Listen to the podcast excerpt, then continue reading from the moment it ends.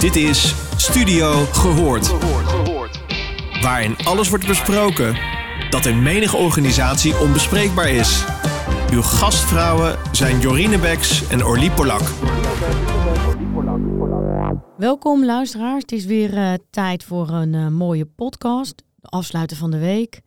Ik eh, ben eh Orly en ik zit in de studio met eh, Jorine. Aloha! Hallo. En we Hallo. gaan eh, even terugblikken op eh, de interviews die we eh, vandaag hebben gehad.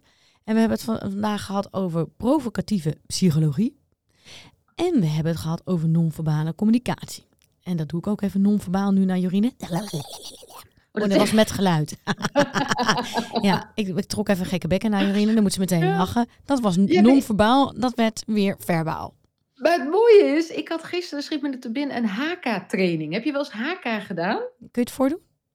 Eh, ja, dat is, eh, ook, zeg maar, dat is ook al met geluid, maar ook al non-verbaal, zeg Ja. maar. Dat is echt zo...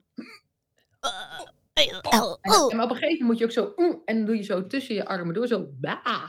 Tenminste, dat heeft die meneer gisteren uitgelegd. Dat is de HK, weet je, van Nieuw-Zeeland. Oh, daar zijn mensen En, toch eh, tegen dat andere mensen van andere religies of etniciteiten dansen doen van andere.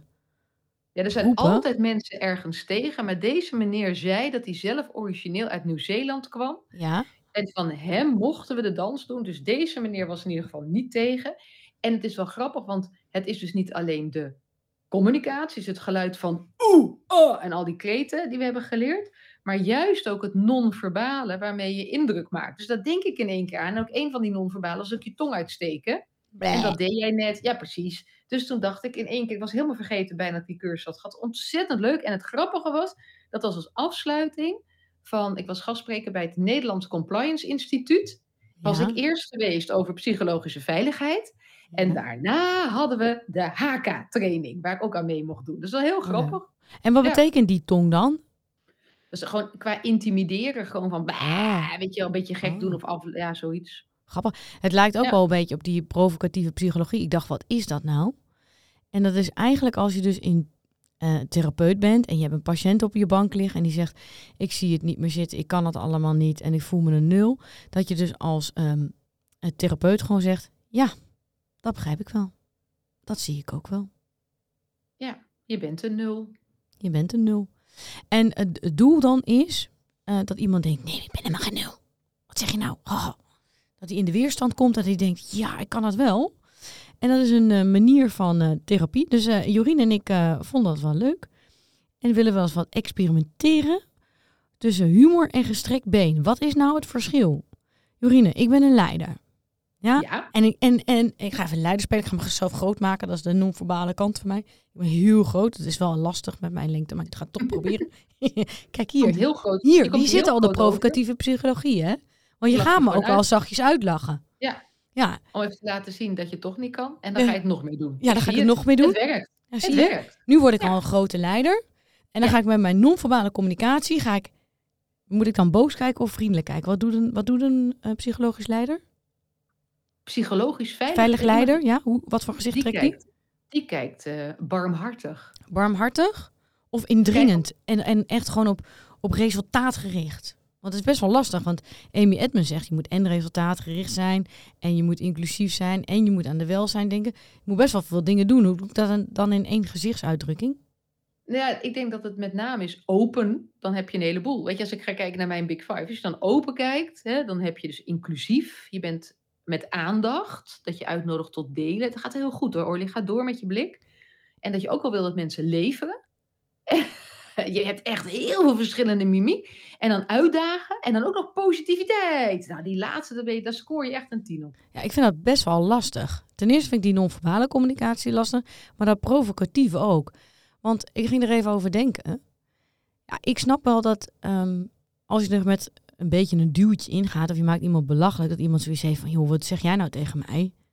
Eh, zo erg is nou ook weer niet, hè? Maar dan ga je er een beetje vanuit dat de persoon die jij therapie geeft of die jij coacht, ook nog niet zo ver heen is. Die, die het echt niet zo erg vindt. Maar wat nou, ik zit aan jongeren te denken. Jij hebt ook heel veel met jongeren gewerkt. Als je daar dat soort dingen tegen zegt, dat provocatieve, dat gaan ze gewoon geloven. En hoe absurd het ook is, want ik ben erbij geweest dat mensen dat tegen ze zeggen, dat, dat ze echt denken dat ze een nul zijn. Je ziet het bij jongelui die wat in een lager opleidingsniveau zitten op school, die op een gegeven moment tegen de tijd dat ze 14, 15 zijn, echt gewoon ook overtuigd zijn dat ze het niet kunnen. Omdat ze Ja. het toch wel in een grapje hebben gehoord, in een minder leuk grapje hebben gehoord, ermee dwars zitten. Dus ik twijfel heel erg of dat gewoon eigenlijk altijd wel werkt. Of je niet mensen per ongeluk door het grapje over de kling jaagt, hè? Of het dan nog erger wordt. Wat denk jij? Wat is- jouw gevoel? Nou ja, wat ze natuurlijk al wel aangaf, is natuurlijk, eh, het is het idee van een grapje om iets van protest op te roepen, een klein beetje eigenlijk adrenaline, waardoor die ander denkt, ik zal ze even laten zien dat ik het wel kan. Dus dat lijkt erop, hè, dat als je zegt van, eh, weet je, je bord leeg eten, had ook een voorbeeld over boontjes eten. Als ik hier kijk naar de kids, naar, eh, voor het madelief, denk nee, dat gaat jou niet lukken. En dan kan het, dan gaat het dus juist wel lukken. Maar dat is volgens mij best die afstemmen, dat gaf ze ook wel aan, weet je kan het bij ieder mens en kan ieder mens het? En dat is best wel een, eh, ik vind het wel een dun lijntje. Weet je, als je het niet weet eh, hoe daarmee om te gaan, maar ook qua humor, eh, maar ook denk ik qua positie. Als jij als leidinggevende denkt, ik ga mijn medewerkers even motiveren en ik ga zeggen van, dat kun jij toch niet.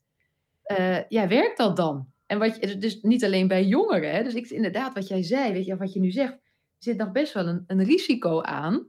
Eh, En, en op welk stuk je het doet. En misschien zit hij wel, maar dat is even hardop denkende hoor.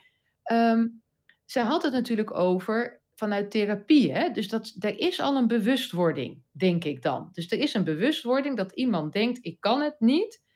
En daar moet ik iets mee. Dus, dus dat is, zit er dus al Ja. in. Dus het is niet de totale mens, maar een stukje daarvan. Ja. En, ehm, eh, en soms, dat is mijn ervaring ook wel, bijvoorbeeld op tijd komen, iets heel praktisch hè. Want hij uh, kwam een stagiair, die komt te laat. Dan kun je natuurlijk insteken op, jongen, jongen, je bent te laat. En eh, hoe kan dat toch?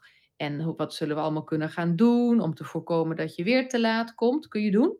En soms hielp het ook om te zeggen, ja, wacht eens, dat kun jij dus gewoon niet. Weet je, kennelijk krijg jij het niet voor elkaar om op tijd je bed uit te komen, om op tijd je kleren aan te hebben, om op tijd hier te zijn.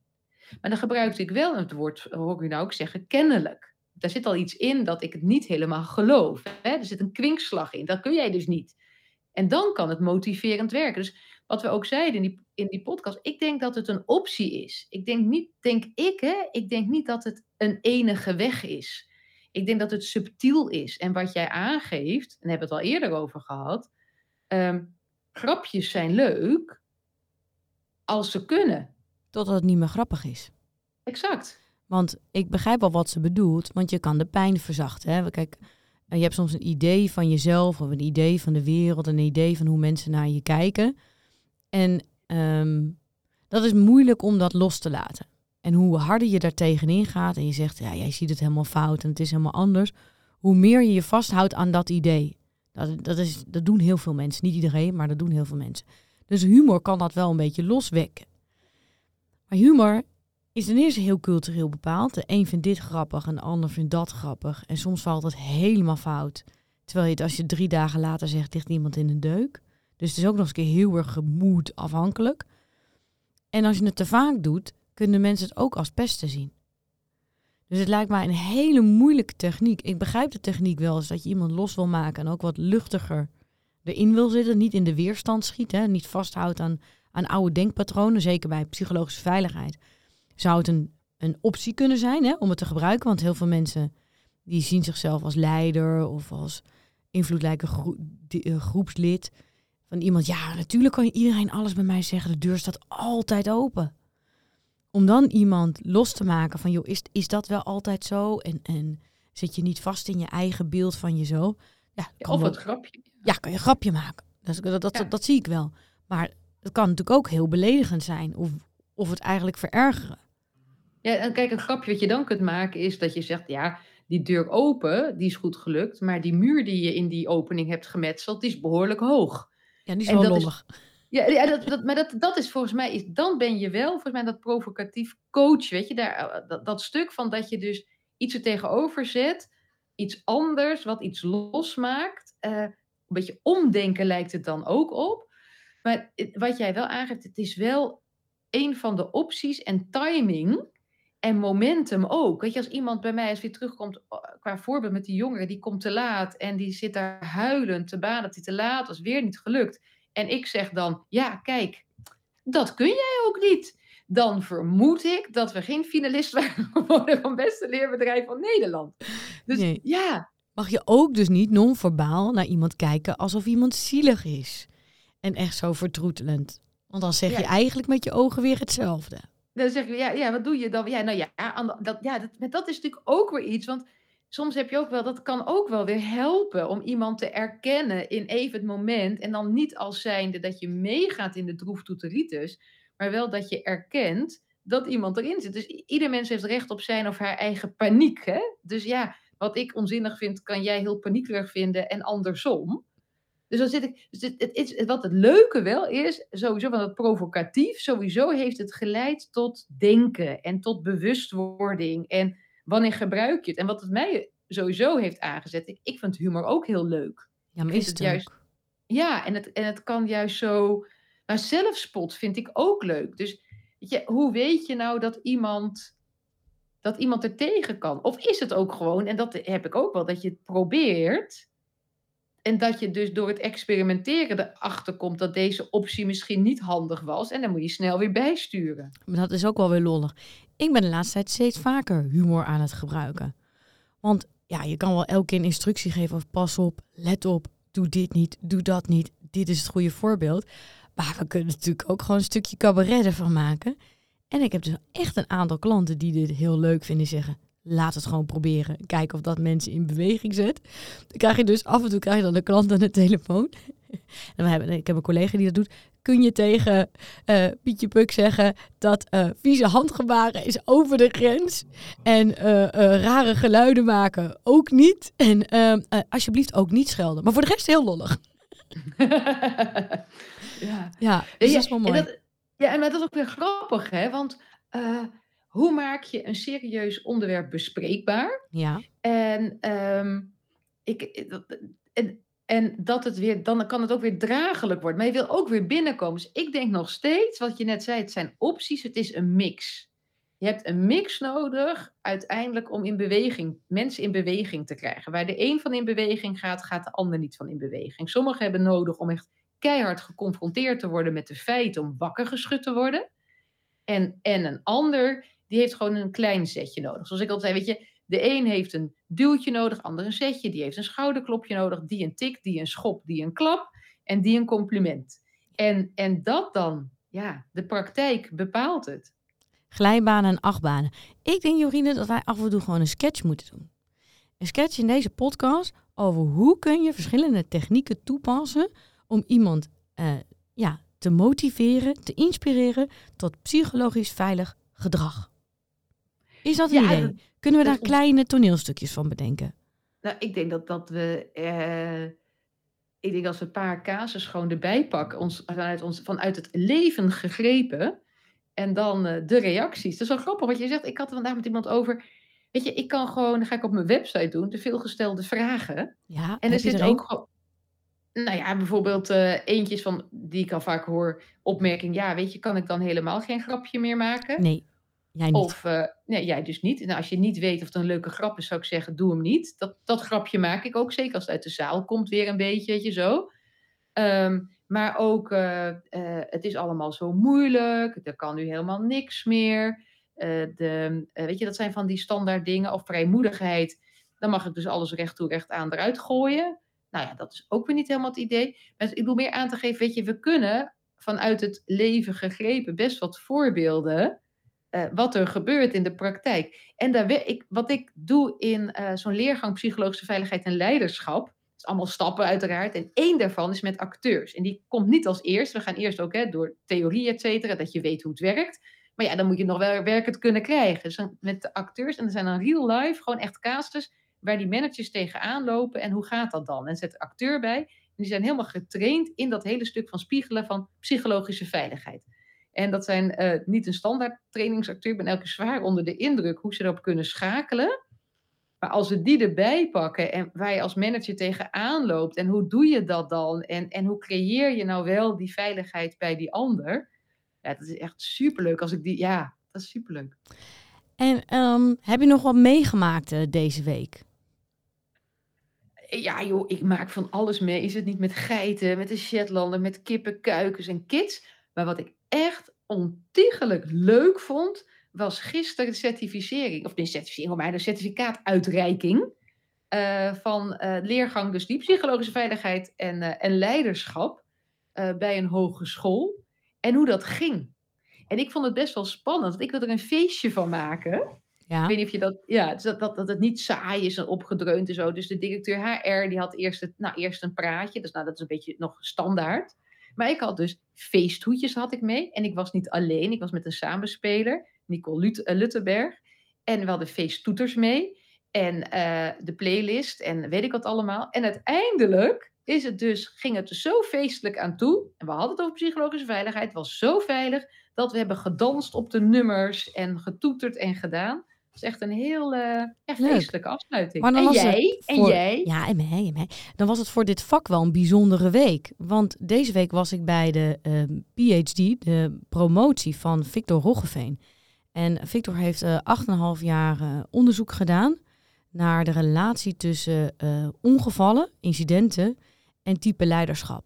Nou, het zal jou niet verbazen wat voor soort type leiderschap ongevallen en incidenten beter uh, beheerst. Het is iets wat wij al he heel lang roepen, maar ik ben heel blij dat uh, Victor hierop uh, gepromoveerd is.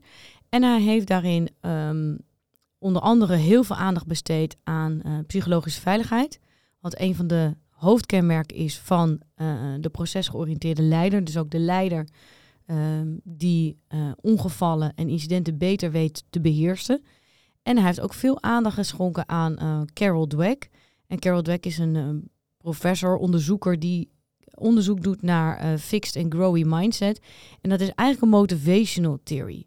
En zij heeft vooral voor kinderen en, en jongeren heeft ze onderzocht van joh, wanneer stop jij met leren? Wanneer stop jij met geloven in verbetering en in vernieuwing en reflecteren? En zij is erachter gekomen dat als je een fixed mindset hebt, dat je dus niet gelooft dat het kan, hè, dat je niet van een dubbeltje een kwartje kan worden, dan haak je uiteindelijk af. Dan is de motivatie weg. En als je het leuk vindt om gewoon te proberen, is dat de beloning zit hem vooral in het doen, in het oefenen en opnieuw elke keer fout te maken en opnieuw proberen.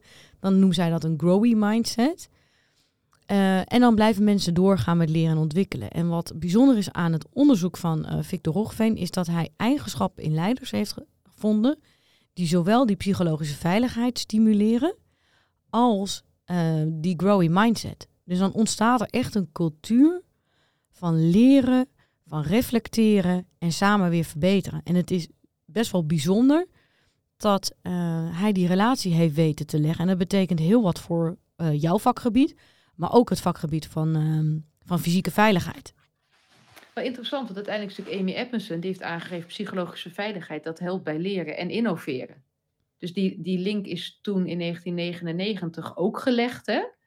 Uh, dus ik ben wat nieuwsgierig wat dan de extra verdieping is. Want uiteindelijk is psychologische veiligheid is het middel om te komen tot delen, leren, leveren, uitdagen ook. Hè? Dus nieuwe dingen proberen, de status quo uitdagen.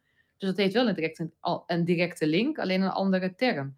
Ontzettend leuk, dus ik, ik, ik, ik, ik ben leren de hele tijd mee door, nu in deze podcast ook. Ik ben hartstikke nieuwsgierig naar. Ja, nou wat bijzonder is aan, aan dit onderzoek is dat het gelinkt wordt met daadwerkelijk uh, dingen die gebeuren in, uh, op de werkplaats. Dus leren en reflecteren, daar wordt van gedacht dat het van invloed is op het beheersen van risico's. Maar het was nog niet echt door veel mensen letterlijk aangetoond. En dit is dan wel een eerste stap om, om, om die correlatie te leggen. En dat is wel bijzonder. Kijk, wij, wij vinden met z'n tweeën praten voor eigen parochie. Gewoon sowieso dat je vooruit komt als je leert en reflecteert. Maar het moet altijd nog wel verbonden worden met daadwerkelijke feiten. En wat ik mooi vind eraan, kijk, wat, wat Amy Epperson dan heeft gedaan in de tijd, dat je is inderdaad uh, het best functionerende team verpleegkundig. Hè? En wat is dat dan? En die fouten delen. Maar dit is natuurlijk extra interessant, of extra ook heel mooi onderzoek. En verder, hoe meer data, hoe meer feiten en, en wetenschappelijke onderbouwing, hoe meer beweging je ook alweer krijgt. Hè? Want gezond boerenverstand is leuk, maar dan kun je het niet duiden. Dus, dan, dat, dus daar krijg je het niet verder mee, die beweging waar jij en ik ook zo achter staan. Dus het is alleen maar mooi, hoe meer bewijs. En dat stuk van leiderschap. Oké, wat is dat nou? Wat maakt nu dat dat type leider, wat, wie heb je nou nodig in je organisatie eigenlijk, om veiligheid te creëren. Ja. En dat is natuurlijk een hele mooie extra. Dan heb je het niet over wie hebben we nodig als leider die ervoor kan zorgen dat het inclusief is, of die ervoor kan zorgen dat we meer omzet draaien. Eh, en het is ook heel anders, klinkt het weer dan situationeel leiderschap, of weet je, alle mogelijke termen die je kunt verzinnen. Ik denk dat het een hele mooie, mooie toevoeging is. Ja. Ga jij nog wel leuke dingen doen dit weekend? Ja, morgen Vertel. komt een vriendinnetje met kids, eh, zelfde leeftijd als die van mij, het jonge meisje. We gaan barbecuen, we gaan wijn drinken, we gaan gezellig zijn, we gaan zwemmen, we gaan uitslapen, we gaan croissantjes eten. Eén grote dolle boel ga ik helemaal vanuit. En jij? Ehm, ik ga met de kids en man morgen een golfclinic doen. Oh, leuk! Is Ik dacht, leuk. Dat hebben ze Heb nog nooit gedaan. Ja, Laten we ze gewoon eens een keer wat nieuws leren. Helemaal out of the box, groen. Ik kan er helemaal niks van. Ik heb het ooit wel eens een keer gedaan. Ehm, maar eens kijken wat ze daarvan vinden. klinkt als ontzettend gezellig sowieso. Ja. En nieuw. Het is een Crowy mindset. Ja, maar zegt. gewoon, gewoon nieuwe ja, dingen proberen. Ja, gewoon kijken of het leuk is. Ja, nou we gaan morgen. Oh ja, weet je wat ik ook ga doen? Ja, want eh eh heet het glutenvrije koekjes bakken. Nou. Vanwege een of andere brunch van de juf van Guus. Dus ik ga ook iets nieuws. Ik moest even denken, doe ik nog iets nieuws? Ja hoor, want ik heb het nog nooit gedaan. Dus ik denk dat ik het kan. Helemaal leuk. Ik wens je een heel goed weekend. Jij ook. Fijn weekend. Doei. Je luisterde naar Studio Gehoord. Vond je dit een leuke podcast? Laat dan een review achter bij jouw favoriete podcastplatform. Tot de volgende!